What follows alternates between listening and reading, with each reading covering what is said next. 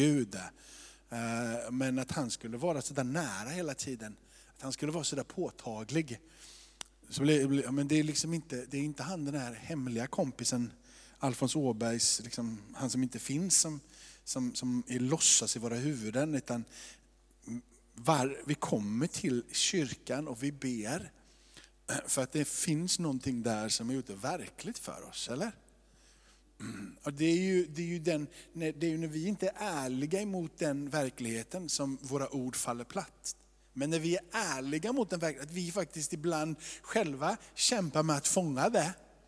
När vi själva bekänner att vi vill så gärna, inte alltid självklart, men många gånger, många stunder, ganska ofta, inte hela tiden, men väldigt, väldigt, så är det en verklighet för oss. Det är när vi erkänner att vi ibland famlar lite själva, som det vi säger blir trovärdigt. När vår bekännelse är högre än vad den verkliga verkligheten för dig i ditt liv är, så blir det tomt och det blir platt.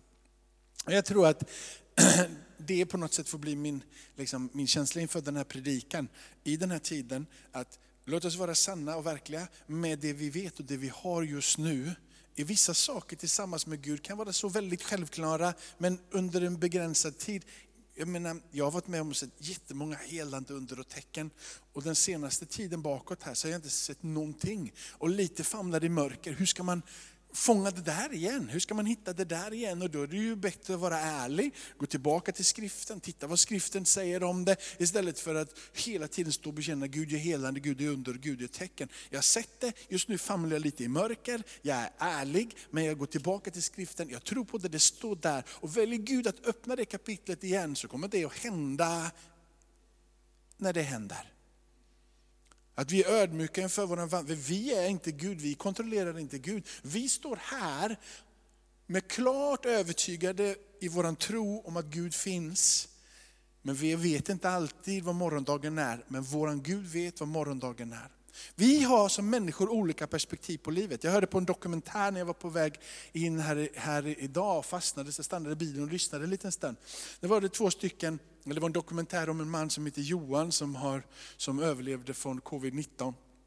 Och hans hela inre system, organ lappade ihop och han, han eh, var i respirator. Och, och liksom, det var, nu så var det kört för honom. Han var, han var, liksom, inre organen var så, var så, nu är det kört. Så hans, hans eh, ungdomar, då, eller frun, eller om det var mamma, jag vet inte, jag kommer inte ens ihåg om de var gifta, fortfarande, jag tror de var gifta fortfarande och så vidare.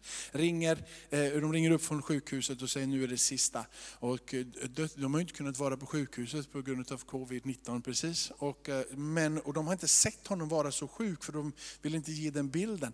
Men helt plötsligt så säger läkarna, eh, frun säger där då, nej men jag vill inte att de ska se sin pappa på det sättet. Och läkaren säger, du måste låta dem se honom på det sättet.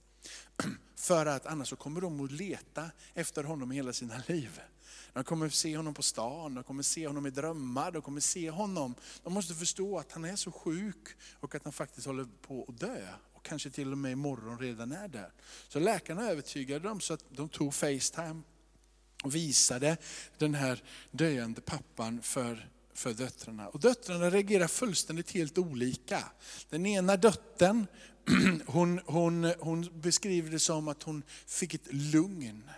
Hon såg sin sjuka pappa som började dö och sa att det är frid. Han kommer komma till en plats där han inte får kämpa. Han är, har frid som finns där. Den andra dottern, hon blev helt hysterisk och bara sa, han är ju död, det finns ingenting kvar.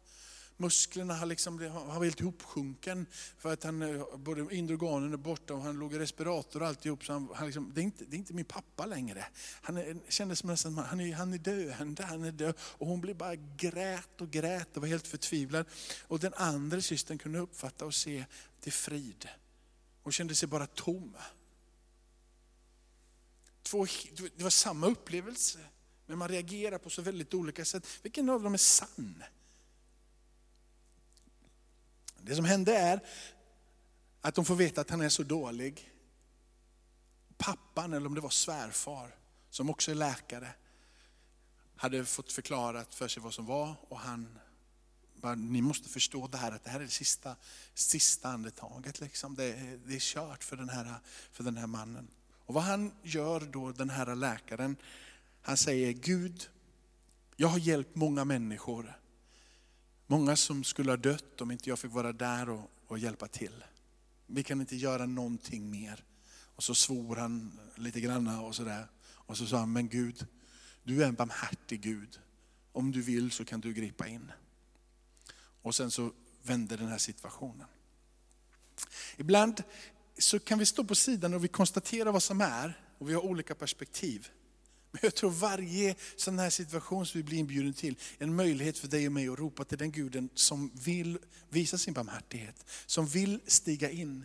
Istället för att bara observera på sidan och få sin sinnesstämning utav det, vilken sinnesstämning det än är och blir, så är det en inbjudan för dig och mig, precis som Benjamin sa här inledningsvis, att ropa till den guden som har och vill göra barmhärtiga handlingar. Han vill stiga in, han bara väntar på att du och jag ska ropa. Och så här står det ifrån, ifrån Matteus 20.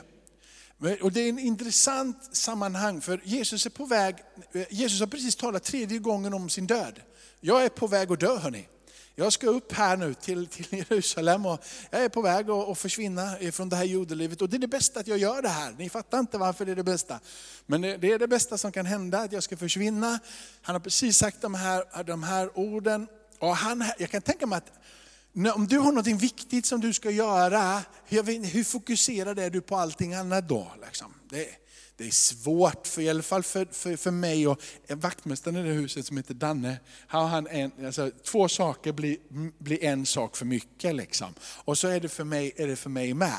Men för Jesus, så klarar han av att hantera fler än en sak samtidigt. Han är fokuserad på sin uppgift, han har talat om att han är på, han är på väg upp, eh, upp här till, till Jerusalem och det börjar redan i, i kapitel 21. Från första där så står det att han liksom sen rider in i Jerusalem. Och det som är det intressanta tycker jag, bara för att ge lite story runt omkring, det är att när han rider in i Jerusalem och, och de sjunger Hosianna, Davids son. Så ser ni att det står Herre Davids son här. Ja, den som också säger att här är liksom Davids son, du kan hjälpa mig. Det är den kananeiska kvinnan i kapitel 15 eh, som ropar på hjälp. Och han stiger in och han hjälper. Davids son, de hade ingen aning om om inte det var Gud som visade för dem att det var Davids son. En profetia ifrån gamla testamentet, eh, Jesaja va? Jesaja, eller om det är Jeremia, jag tror det är Jesaja va?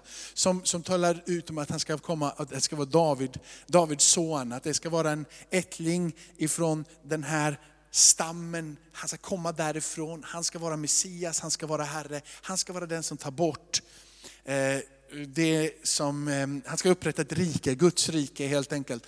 Och de sjunger ut det, Hosianna, Davids son. Men innan det så har du två desperata blinda som sitter på vägen och Jesus är inte så fokuserad på uppgiften som ligger framför, annat än att han kan ta, ta sig an dessa två blinda.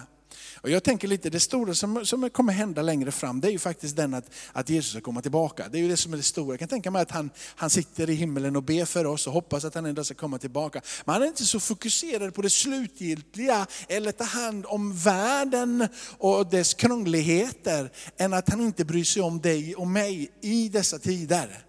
Han hade stora övergripande blicken, han vet vad han håller på med, han är på väg till Jerusalem. Men han ser dessa två blinda. Samma sak idag, tänker vem är lilla jag?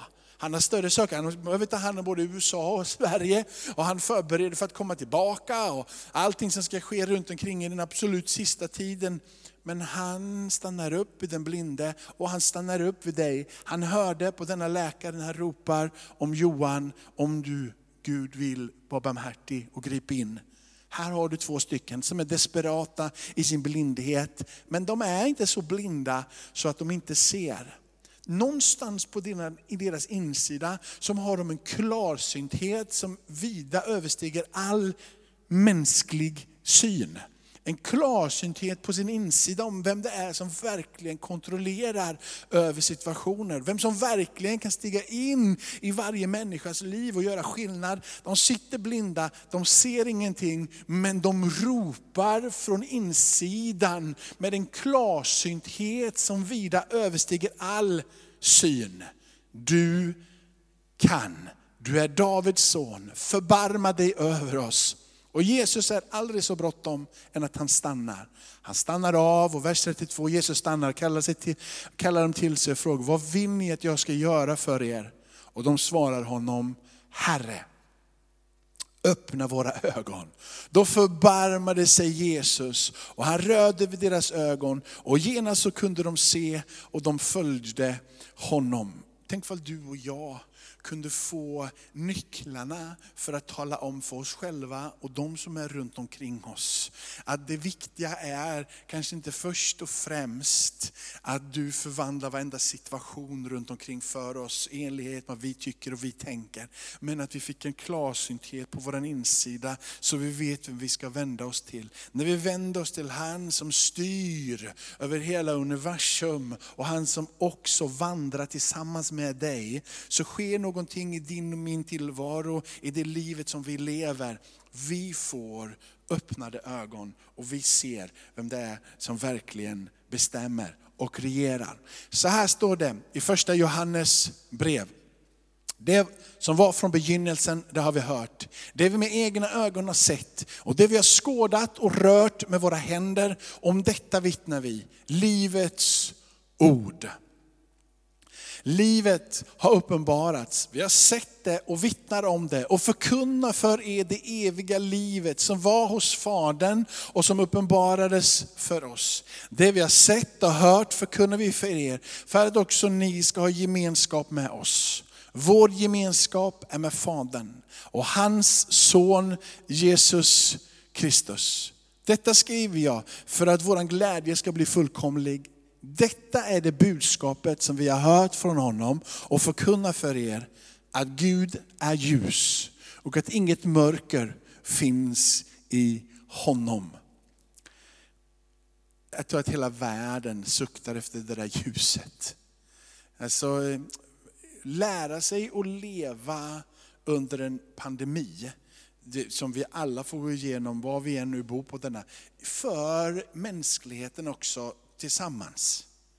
Helt plötsligt så har du och jag en referenspunkt till den som bor på andra sidan jordklotet.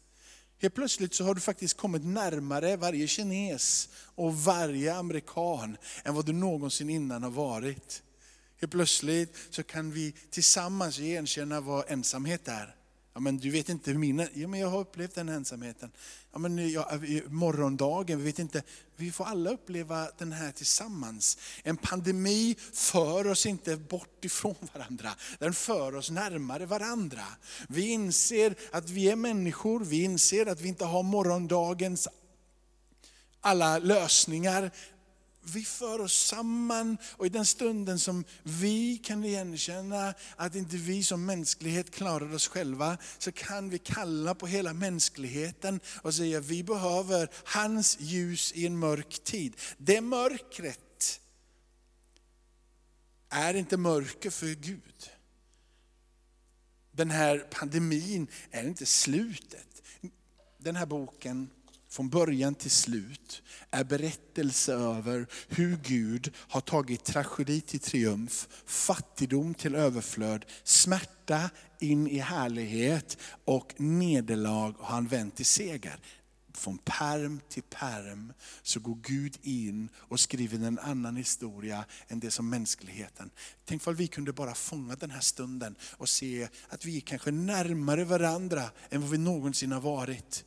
Kanske det är därför som, om jag får kalla det den jag, bara, jag, slänger ut med det här, menar inte det så mycket och lägger inte så stora värderingar i det. Men om ni har hört att det har varit ett val som har varit någonstans på, på andra sidan liksom de här stora vattnen. Så pratar de om att det aldrig varit så stora skillnader. Det är två diken, en sida där och en sida där. Kanske är det så att när mänskligheten börjar komma ännu närmare varandra, så kanske det finns någon med han med gaffeln och honen och, som bor i källaren och är lite ilsken. Att han vill tala om, nej, ni ska inte tro att ni är så nära varandra. Och så puttar han hela tiden in splittring. Känner ni igen det? Att han brukar komma med splittring, att han vill komma med krig, han vill komma att man tycker olika. Och sen så bara får vi bara zooma ut på säga att vi kanske aldrig varit närmare varandra någon gång i hela mänsklighetens historia. Helt plötsligt så går en pandemi över hela världen och vi tillsammans kan bara säga, vi behöver hans ljus i den här tiden. Vi behöver hans barmhärtighet i den här tiden. Vi behöver hans ingripande i den här tiden. Amen.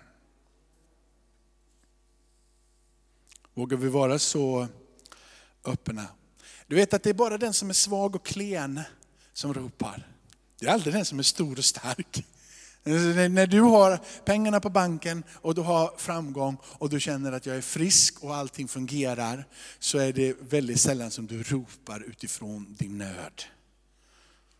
Utan helt plötsligt livet fungerar och du känner dig ganska bekväm och helt plötsligt så klarar jag mig själv. Och det jobbiga är med människor som är starka, det är att, att, att jag klarar mig ganska bra själv. Jag klarar mig själv. Och vi är uppfostrade med att vadå? Klara oss själva. Ja, ni är ett socialistiskt system, det är ju folktandvården som tar hand om er. Liksom. Alla andra system som finns i den här, på det här eh, fina, fina landet. Men vi som bor i det här landet, vi vet att det inte riktigt är så. Du får klara dig själv. Och vi är uppvuxna med att du ska, ska arbeta, så klara dig själv. Du ska vara stark. Och ändå så kommer Jesus och talar om det. Det är du som är svag som jag har kommit för. Jag har kommit för de som är sjuka, de som inte vet hur de ska rädda sig själva. Jag kommer till den som behöver hjälp. Eller? Du diskvalificerar ju dig själv om du säger att jag inte behöver hjälp. Eller? Han kommer för att uppsöka de som är sjuka, sargade, utanför systemen. Och så säger jag klarar mig själv. Varsågod syster och broder, du har diskvalificerat dig själv. Du passar inte in i hans uppdragsbeskrivning. Jag har kommit för att predika ett nådens budskap glädje för och så vidare. För att fånga upp dem som säger jag behöver hjälp och jag är stark, så har du diskvalificerat dig själv. Du har tagit dig bort ifrån den möjligheten att ta emot hans livboje. Hans räddning. Han ser dig och han vill inget annat än att du i hans namn ska ropa ifrån den platsen utav svaghet. Pandemin kanske är den största välsignelsen just nu. Jag hoppas att ni, ni som lyssnar och ni som förstår att jag på riktigt inte menar att det inte är synd om de som just nu är sjuka och sargade, utan på riktigt menar att det kanske kan vara en möjlighet för oss att just röra oss mot varandra. Att få empati med varandra. På det sättet den största möjligheten. Alltså ni, jag hoppas ni förstår mitt hjärta i det hela. Och kan inte vara nog tydlig med det så inte någon tror att jag bagatelliserar covid-19. Men jag tror på riktigt att ju mer empati som man har för varandra, ju närmare kan man komma varandra. Jag tror på riktigt att ju mer jag kan känna med den som lider, ju närmare kan man komma med varandra. Vad är då inte det bästa sättet när vi går igenom en tid av denna? Så här står det. Och jag har läst det för några söndagar sedan här i ett inledningsord. Eh, men jag vill, jag vill ta upp det, den här, för jag tycker att det här på något sätt sammanfattar det som jag liksom känner att jag skulle vilja säga. Det är från Matteus 11. Och, eh, vi bara hoppar rakt in i det här. Vid den tiden, Matteus kapitel 11 och vers 25 till vers 30. Vid den tiden så sa Jesus, jag prisar dig far himmelens och jordens Herre, för att du har dolt detta för de visa och kloka, uppenbarat det för de små. Ja, far, så var din goda vilja. Allt har min far överlämnat till mig. Och ingen känner sonen utom fadern, inte heller känner någon fadern utom sonen. Och den som sonen vill uppenbara honom för. Kom till mig, alla ni som arbetar och är tyngda av bördor, så ska jag ge er vila. Ta på er mitt ok, lär av mig. För jag är mild och ödmjuk i hjärtat. Då ska ni finna ro för era själar. För mitt ok är milt och min börda är lätt. Jesus har en livsstil där han sätter Faderns fokus på agendan. Innan han ska komma med tröstande ord för de som upplever en börda och en tyngd. Så för de som är där så tror jag att han vill visa, och för dig och mig, hur han lever. Han vänder sin blick till Fadern och säger, jag prisar dig Fader. Jag prisar dig för att du är jordens och du är himmelens Herre. Och han säger, jag prisar dig för att du har dolt det här, ditt frälsande budskap. Jag prisar dig för att du har dolt det för dem som vill vara kloka, lärda, i min vokabulär starka. De som har så mycket kunskap så de vet hur de ska bete sig. De som är så lärda så de vet precis vad som är rätt och riktigt. De vet vad som är upp och vad som är ner.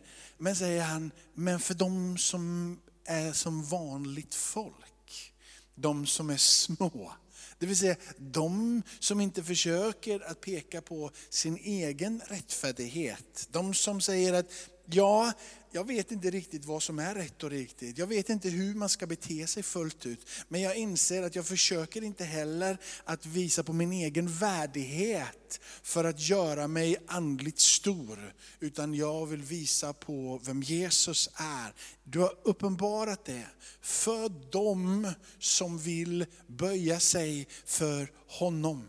För dem är det som jag har kommit. Och så säger det här är din goda vilja. Det är ungefär som man säger att du har en plan. Du har tänkt ut det här. Och du har tänkt ut det här riktigt bra. Farsan. Liksom. Farsan har en plan. Och farsans plan, den är så intelligent och den är så smart så det är ingen som fattar. Att det inte funkar på något annat sätt för fadern. Så jag har en sån fruktansvärd plan så du kan inte fånga den själv. Min plan är för dem som inte kan och förstår att de inte måste och förstår att de måste böja sig. Den som vill ödmjuka sig och den som vill inse sin egen svaghet. Min farsa har en plan för att visa vem han är för alla de som inte tror att de är något. Alla de som är villiga att böja sig är jag där för att resa upp. Det är så min farsa fungerar. Det är så min far i himmelen tänker. Det är så min far har funderat ut det här. Hur ska jag nå hela mänskligheten? Och så inser han att jag når min mänsklighet som jag har skapat. Jag når det jag har skapat genom att visa mig för dem som känner att de inte klarar sig själva. Där ska jag stiga in. Och där ska jag bli stor och jag ska bli störst. Jag ska bli konungarnas konung och herrarnas herre för dem. Min farsa, han jobbar på det här sättet. Han grejar vägen in i människornas hjärta på ett helt annat sätt än världens sätt. Jesus deklarerar i den här äh, berättelsen att min far han har sänt mig, och nu ska jag tala om för er vad det är han har sänt mig att berätta. Jag har kommit ner till jorden för att ge er en berättelse. Och min berättelse den är så här, att det är sonen som känner fadern och det är fadern som känner sonen. Det är den stora berättelsen som han kommer och säger. Och sen så säger han, på grund av att det är på det här sättet, så är det så att fadern som jag känner, och jag, fadern känner mig, så är det så här att eftersom det är på det sättet så har Fadern talat om för mig att vad jag ska göra, det är att tala om för er vem han är. Jag är vägen, sanningen och livet och ingen kommer till Fadern utan genom mig. Min stora uppgift det är att tala om för er att min Fader i himmelen, han har den perfekta planen för den som är blind och sitter och ropar, Herre förbarma dig över mig. Davids son, förbarma dig över mig. Jag ska tala om för er att jag har en plan att visa för er vem min fader är. För alla dem som vill igenkänna sig under en pandemi, att vi alla inte är så starka. Vi har alla kommit till en plats av svaghet. Jag har en plan. Min far har en plan. Jag är här för att tala om för er att han vill omfamna.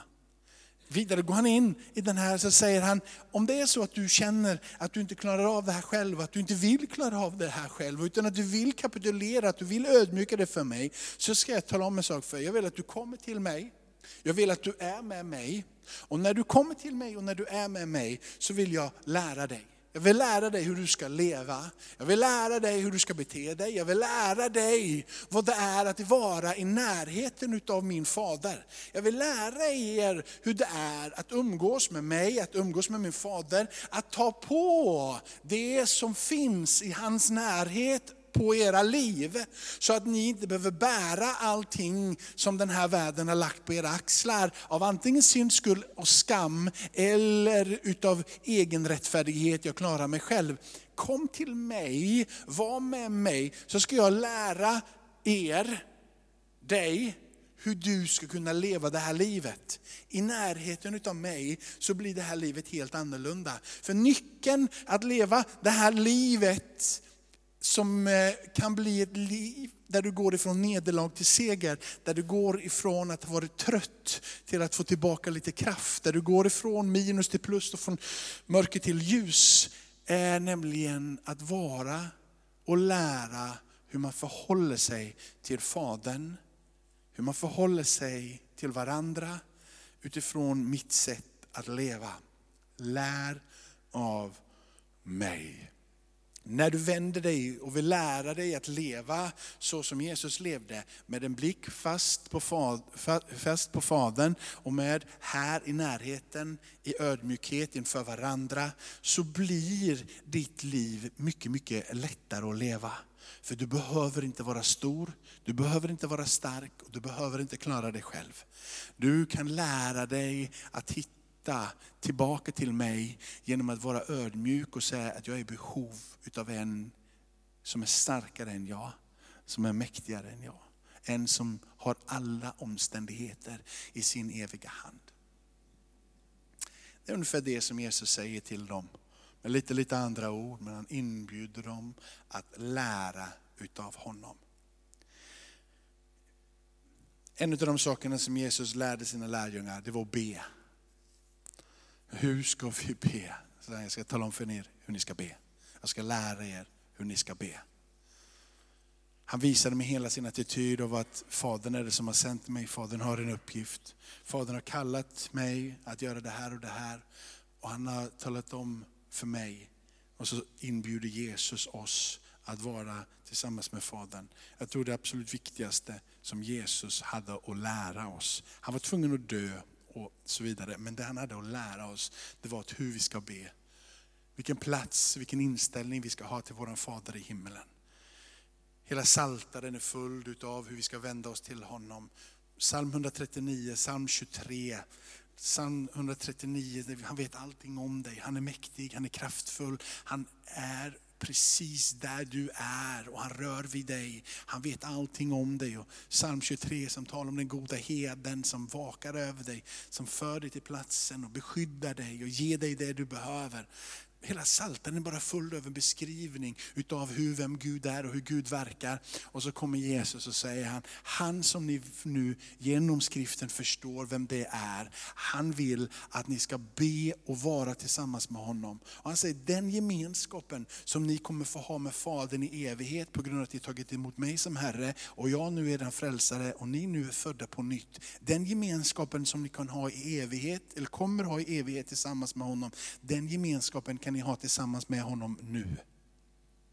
Han inbjuder till den gemenskapen här och nu i samklang med det som är sen. Det är samma kärlek som födde in i evighetens gemenskap. Det är samma kärlek som födde in i den gemenskapen nu. Och han säger, därifrån kan du be. Därifrån kan du ropa. Därifrån kan du tala om vad, din, vad du längtar efter och vad du vill ska se hända. Och därför så tror jag det är under den här tiden, vår absolut viktigaste uppgift, det är att be. När vi inte vet vad morgon, vet inte om, hur länge sitter vi i, i den här karantänen? Hur länge ska vi, vi har ingen aning. Men vi vet en sak, att vi kan be. Och låt oss då ta tillfället under den här perioden och be. Första svängen här så kände jag att Gud sa till mig att gå in i ordet. Och jag har läst Bibeln så mycket under den här perioden som jag känner nästan att, bara nästan att ja, det var mycket och det var bra. Men jag känner att den här perioden som är, för jag trodde det var slut för några veckor sedan. För vet, nu ska ni vara 300 och man kände, och så bara drog de till det. Jag känner på samma sätt som han talade till mig då, att vara och leva i Bibeln och vara i ordet. Och bara läs. Så tror jag han säger till mig nu i alla fall, och jag tror att det blir budskap in i församlingen och in i kristenheten. För det är aldrig fel att säga det här in i församlingen och i kristenheten, att det är tid att be. Det är aldrig fel. Men kanske mer än någonsin så kan det här föra oss samman och låt oss ropa för vi är på samma plats. Gud kallar dig och mig in i gemenskap. Låt oss be, låt oss ropa till Gud. Benjamin ska leda oss vidare här, men jag ska bara be om en bönens och nådens ande över mitt liv, över vår församling och ni som lyssnar och utöver världen. Jag ber Fader i himmelen att den bönen nådens ande fick träffa, träffa våra hjärtan, Herre. Vi, så att vi kan se upp till han som har blivit genomborrad. Det finns någonting där i, när vi ser Kristus eh, i hans död och i hans uppståndelse och vetskapen om att han är levande, då vågar vi be. Och vi behöver den där anden av uppenbarelse. Vi behöver din ingripande nåd så att när vi ber så är det inte bara böner som går ut i tomma intet, utan det är böner som stiger upp till våran Fader i himmelen. Och vi vill lära oss att be utifrån så som du vill att vi ska be Jesus. Så som du instruerar dina lärjungar att be. Så som du manar oss att be och ropa i ödmjukhet men också i tro och övertygelse. Om att Gud, du vill gripa in, så grip in. Gud, du vill hela och du vill bota, så hela och bota. Gud, du vill förvandla liv ifrån djupet, så grip in och förvandla liv Herre. Jag ber Herre att den här pandemin inte skulle vara på, på ett liksom bortkastad tid för oss. Utan att vi skulle få ta och omfamna det och säga vi står alla på samma plats. Vi måste alla ödmjuka oss och inte veta, vad, vi har ingen aning om vad morgondagen har. Vi är inte rädda och ängsliga men vi får fyllda men fyllda med empati så vill vi ropa med hela mänskligheten, Gud grip in i vår tid. Grip in i vår tid, kom en väckelse, kom med en rörelse. Hela bota, upprätta, fräls. Mästare, gör dig själv synlig. Uppenbara det som bara du kan uppenbara. Visa hur ditt ljus är starkare. Gud, ditt ljus är starkare än allt mörker. Jesus, när du får vara Herre så skingras varje mörk tanke, varje mörk period, allt mörker bleknar ut när ditt eviga ljus får träda in. Gud, du är ljus. Kom med ditt ljus idag, in i våra liv, in i den här tiden Herre. Tack för att efter varje eh, varje kris så kommer det en ny tid Herre. Vi ser det här i skriften, varje gång som det har varit nederlag så har du vänt det till slutgiltigt till seger. Och vi ber att det här mörkret som vi upplever om nedstängdhet, att när vi kommer ut på andra sidan Herre, så får vi stå redo Herre. Så får vi vara liksom, ödmjuka i våra sinnen Herre. Att vi har gjort vår hemläxa och ropat till dig. Så när vi kommer ut där på andra sidan Herre, så står vi starka i ditt namn Herre. Starka i ditt namn Herre. Vi vill ta vara på det här och föra oss samman med varandra Herre. Och vi vill ropa med en röst röst, en stämma. Gud, du är mäktig att göra skillnad. Stig in, grip in Herre. Jesus är Herre. Jesus är Herre. Kom med din bön och din nådens ande. Tack för att du reser och bedjare. Lärjungar till dig, bedjare till dig Herre. Lärjungar till dig Herre, bedjare till dig. Som vet vad det är att be.